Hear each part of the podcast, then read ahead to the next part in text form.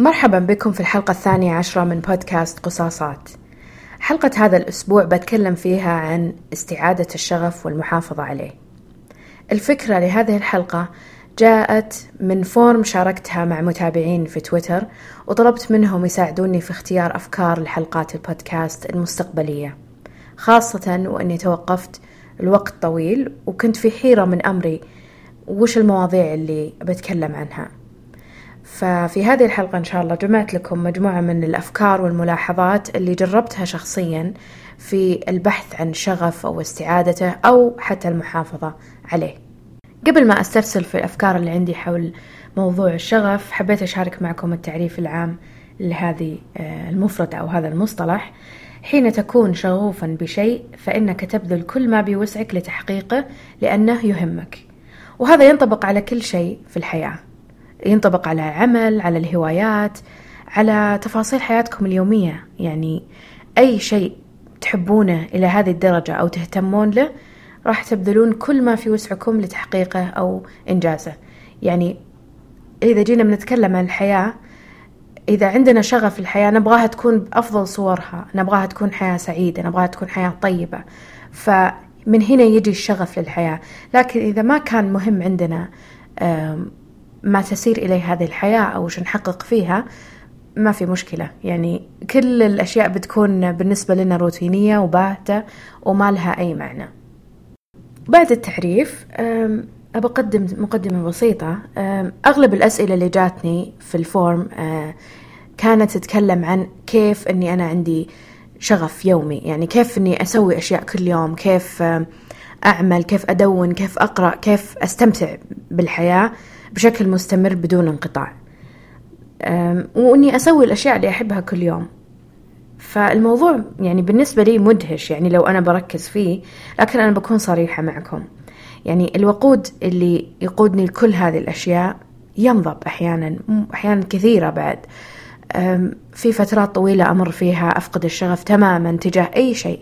حتى فكرة الاستيقاظ في الصباح والخروج للعمل أو أداء أي مهمة يكون جدا صعب بالنسبة لي.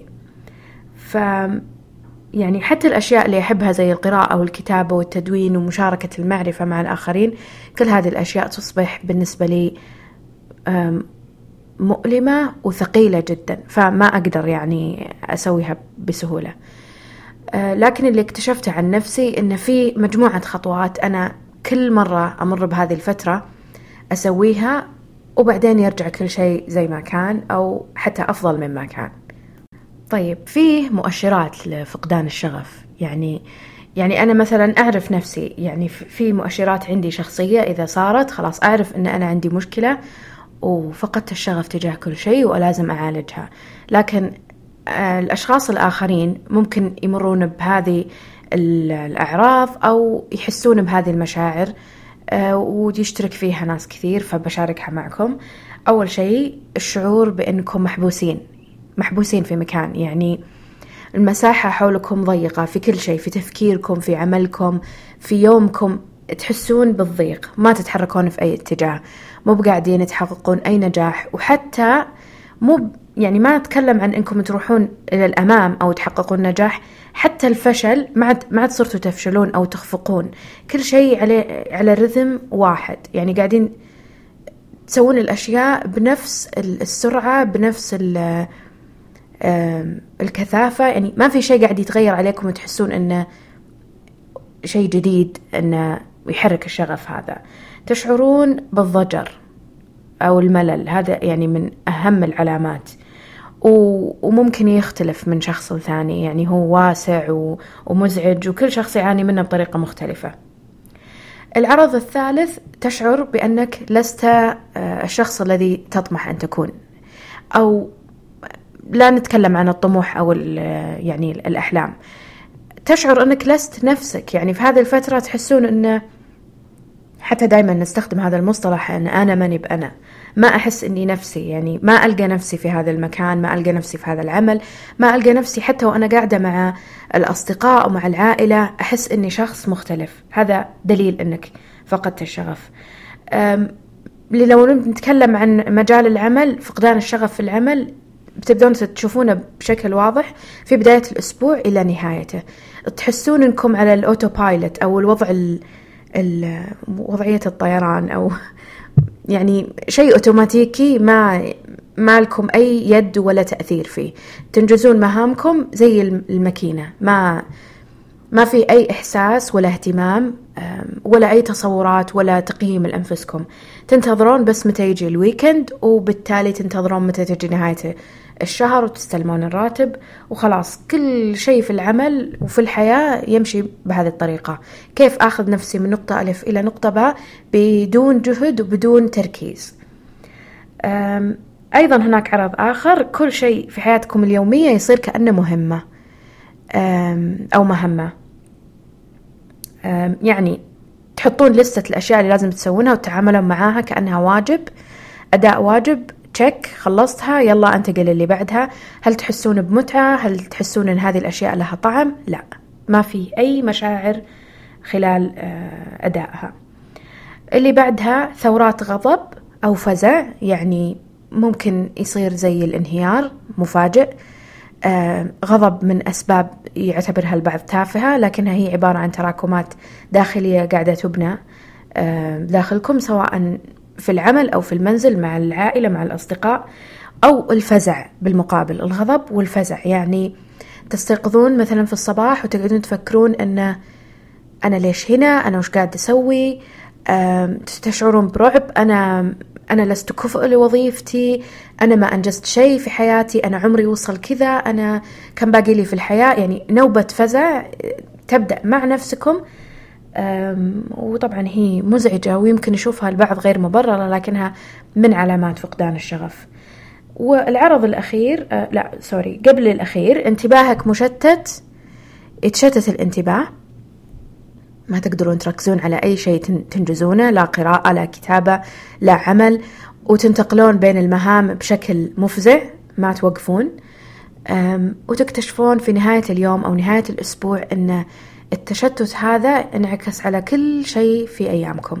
يعني لا أنتم أنجزتوا مهام العمل بشكل جيد ولا أنجزتوا آه الأشياء المرتبطة بحياتكم الشخصية ولا قدرتوا تحققون أي شيء يفرحكم في نهاية الأسبوع. فهذا مثال على التشتت. آخر شيء مع كل هذه الأعراض اللي ذكرتها بتشوفون أن طاقتكم صارت مهدورة تعب جسدي وذهني لكن في نفس الوقت مع هذا التعب الجسدي والذهني تقدرون تفكرون طيب. طب أنا أحس بتعب لكن وين المنجزات أو وين الأشياء اللي حققتها عشان تبرر لي هذا التعب؟ ما تلقون شيء.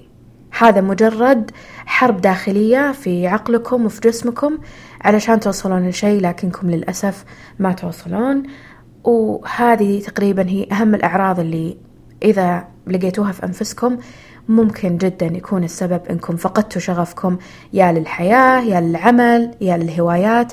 وتبدأ مرحلة البحث لإجابة وللحل. طيب عرفنا أن عندنا مشكلة وفقدنا الشغف في جانب من جوانب الحياة أو في كل جوانب الحياة. كيف نحل هذه المشكلة؟ بالنسبة لي جربت مجموعة من الأفكار أو الحلول وكلها نجحت. فبشاركها معاكم. يمكن ما تناسبكم أو يمكن تحسون أن واحد منها أو اثنين يعطيكم نتيجة آه، ناجحة. يمكن تبحثون أكثر عن الحلول في استعادة الشغف ممكن تبحثون عنها بالعربي آه، بهذه الصياغة. ومثلا finding my passion at work finding my passion in my hobby finding my passion towards life. وكل هذه العبارات ممكن توصلكم النتائج ناجحة. أول شيء أول شيء لازم تفكرون فيه أن تحتاجون ريست عظيم أو إعادة ضبط. لازم تحددون أن هذه النقطة خلاص أنا ما أبغى أروح آه لمكان آه مكان أسوأ من كذا أو يعني غياب الشغف بيأثر على حياتكم بشكل خطير. لازم توقفون وتقولون هنا أنا بسوي ريست أو إعادة ضبط لكل شيء في حياتي. سواء كانت إجازة تاخذونها من العمل أو انقطاع وإعادة شحن. إذا أنتم ما تقدرون تأخذون إجازة إذا أنتم مثلا طلبة أو عملكم ما هم متساعد معاكم في هذا الجانب فكروا في نهاية أسبوع تنفصلون من كل شيء بعيدا عن التقنية بعيدا عن الناس راحة تامة وتبدون تكتبون ملاحظات أو يسمونه ريفلكشن انعكاس أو تحليل للموقف اللي أنتم قاعدين تعيشونه عشان توصلون للحل. فهذا هو أول شيء لازم يكون يعني إعادة ضبط لحياتكم وإذا ما كانت متاحة على هيئة إجازة ممكن زي ما قلت تسوونها بأي طريقة تحبونها. من الحلول الذكية اللي اقترحها الخبراء هي زيارة الطفولة. وش يقصدون بهذه العبارة؟ عادة تصير هذه مع الكتاب والرسامين أو أي أحد يشتغل في عمل إبداعي وبعد حتى أنتم ممكن في عملكم أو حتى في دراستكم. تزورون طفولتكم بمعنى أنه وش الأشياء اللي كانت يعني تثير دهشتكم؟ وش الأشياء اللي كنتوا تستمتعون فيها؟ نوعية اللعب اللي كنتوا تلعبونها؟ هل كنتوا إذا حسيتوا بالضيق ترسمون أو تلونون؟ أه، هل تلعبون في الخارج؟ هل حتى اللعب بتراب ممكن يكون زيارة لطفولتكم. هل كنتوا تجلسون قدام التلفزيون ساعات؟ هل تلعبون رياضة معينة؟ كل هذه الأشياء تعتبر من زيارة الطفولة. جربوا تزورون طفولتكم في الفترة هذه وحاولوا تكتشفون بهجة الأشياء ك... كأنكم تجربونها لأول مرة. هذه من طرق التغلب على غياب الشغف. يمكن وأنتم تبحثون في طفولتكم تلقون شيء آه، كان غايب عنكم في هذيك المرحلة. وممكن أن تجيبونه لعمركم الحالي أو حياتكم الحالية وتعيدون آه، تأهيله أو العمل عليه بحيث أنه يكون متناسب مع تفكيركم ومع نمط حياتكم الآن. الحل الثالث هو اختاروا جزء من المشكلة. يعني لا تجون على كل شيء آه، في حياتكم تقولون أبغى أحل المشكلة هذه أو المشاكل هذه كلها بحلها دفعة واحدة. الموضوع يحتاج صبر ويحتاج اهتمام. آه، إذا أنتم مثلا تعانون من غياب الشغف في العمل ومقبلين على وظيفة جديدة أنتم ما ما تبون تنتقلون من هذه الوظيفة لوظيفة ثانية بنفس الإحباط وبنفس الأفكار السلبية اللي أنتم شايلينها. فهذه مشكلة لازم تعالجونها الآن. آه، خلوا مثلا مشكلة إنكم ما عاد تستمتعون بهواياتكم أو مثلا من المشاكل غياب الشغف إن مثلا أنتم تكتبون أو ترسمون وخلاص ما عاد تقدرون ترسمون أو تكتبون. فما عاد عندكم شغف لهذا الجانب في الحياة. هل في عندكم جوانب ثانية تبون تعالجونها؟ ابدأوا بالأهم اولا. يعني أنا مثلا في فترة من الفترات كنت ما أقدر أكمل كتب آه، أقتني الكتب لكن ما أقرأها. أقرأ في الكتاب ثلاث صفحات أو أربع صفحات ويصيبني ما أدري هو رفض أو غثيان أو ما أدري وش أسميه بس خلاص ما عاد ما عاد أقدر أنجز كتاب بدأت فيه. وفي نفس الوقت توقفت عن الكتابة ما عاد أقدر أدون ما عاد حتى أقدر أكتب آه ثلاث سطور بدون ما أحس إني محبطة و... ومليت. آه أيضا توقفت عن تسجيل حلقات البودكاست انقطعت فترة طويلة. هذه أيضا بسبب غياب الشغف. و مثلا بالنسبة للعمل صرت أكره أخرج الوظيفة من الوظائف اللي كنت أعمل فيها. ما عاد أبغى أسوي ولا شيء. وأيضا في جانب الحياة الشخصية ما ما صرت أحب أطلع من البيت ما أحضر اجتماعات عائلية ما أشارك في أي فعالية مهما كانت ممتعة وحتى رؤية صديقاتي صارت على نطاق ضيق جدا بسبب أني أنا ما عندي شغف لهذا الشيء ما أبغى يعني أشوف ولا أحد.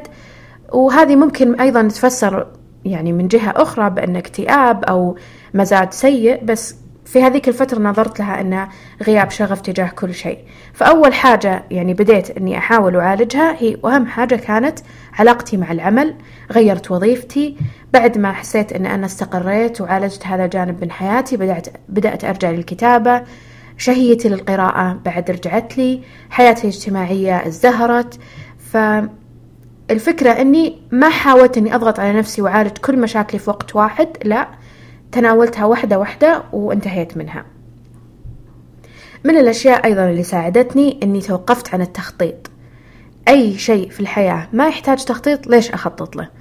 عندي فقط مهام العمل هذه اللي لازم أنجزها في وقت محدد وبطريقة معينة ولازم تكون على مستوى عالي من الكفاءة والدقة. غير كذا مثلا ليش أخطط أني بشوف فيلم ولا أشوف مسلسل أحطه كذا في خطة؟ ويمكن يعني تضحكون لأن مو بكل الناس يخططون لهذه الأشياء بس في مرحلة من الهوس بالتخطيط ممكن تدمر حياتكم أن كل شيء. أه تخططون وش, وش بتقولون من تكلمون مع من تطلعون. إذا شيء طارئ دخل على حياتكم مهما كان جميل وممتع إذا هو مو في الخطة ترفضونه تماما.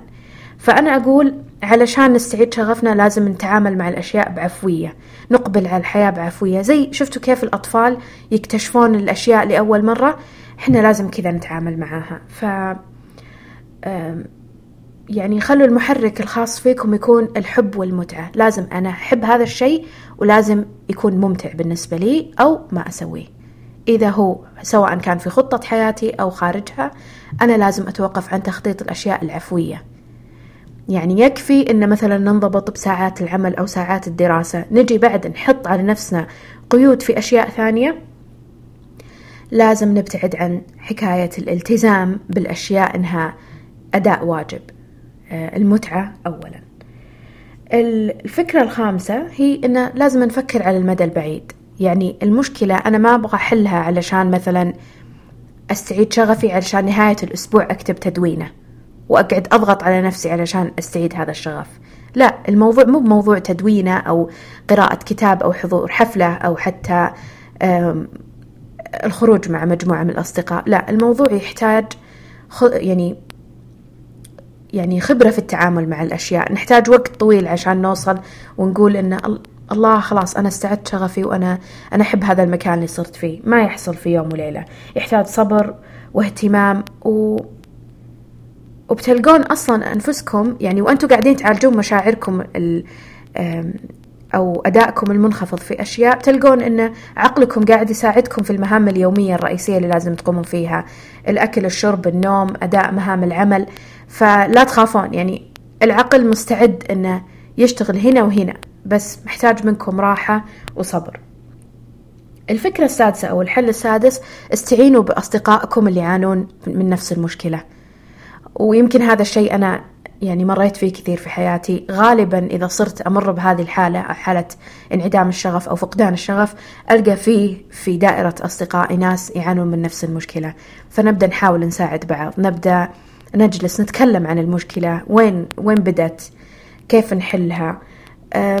أنا أشوف أنه مرة موضوع بيساعدكم لو جربتوه. ممكن تجلسون حلقات مع بعض. تسافرون مع بعض. تقضون نهاية الأسبوع مع بعض تقرؤون كتب ممكن تساعدكم أو مقالات وتجون تلخصونها وتفكرون بصوت مسموع. الأصدقاء دائما والعائلة ممكن يطلعونكم من هذه الحالة. الحل السابع واللي أحس أنه مو متاح للكل لكن لو توفر لكم أو قدرتوا توصلون له بيكون شيء عظيم. أنا شخصيا ما قدرت آه، أحصل آه، مثلا life coach أو مرشد آه، في الحياة أنه يساعدني إما بسبب ندرتهم أو تكلفتهم العالية فهذا الخيار ما كان متاح لي.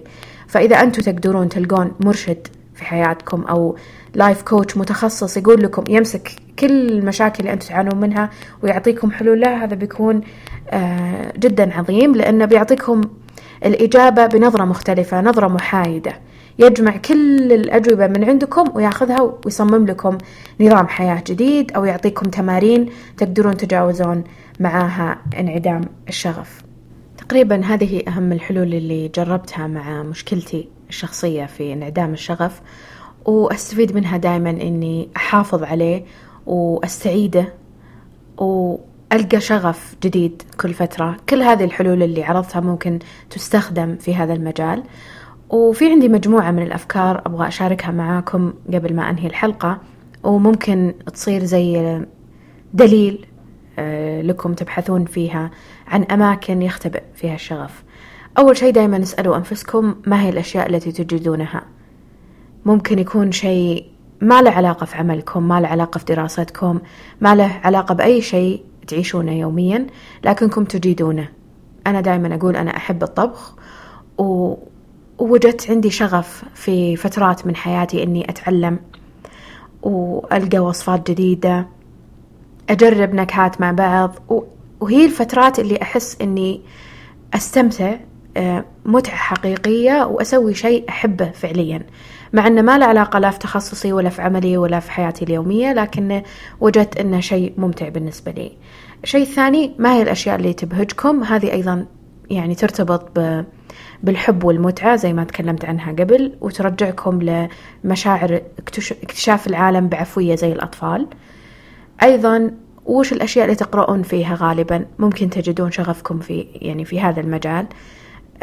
راقبوا قراءاتكم أو مشاهداتكم ممكن تلقون شيء هناك. أه، وما هي أحلامكم السرية للمستقبل؟ يعني وش كنتوا تبغون تصيرون إذا كبرتوا؟ أو من هم الأشخاص اللي تطمحون فعلا أن تكونون زيهم في يوم من الأيام. ممكن تجدون شغفكم هناك. تعلموا اسألوا حلو طرح الأسئلة سجلوا ملاحظات جربوا دايما التجربة مرة مفيدة وركزوا على أفكار بسيطة للبدء علشان ما تغمرون أنفسكم بتوتر البدايات أو الأشياء الجديدة اللي تتعلمونها دفعة واحدة. وأهم شيء تخلصوا من الخوف. يعني الخوف أعتقد أنه من أكثر الأشياء اللي تعطل التعلم والعمل والاستمتاع بالحياة. وآخر شيء وهو الشيء اللي ساعدني اصنعوا الوقت. يعني زي ما الإنسان يصنع وقت علشان يتشافى من مرض أو يصنع وقت عشان يرتاح وياخذ علاج وينتظر العلاج يعطي مفعوله أنتوا تحتاجون تصنعون وقت عشان تستعيدون شغفكم للحياة وللأشياء اللي تحبونها.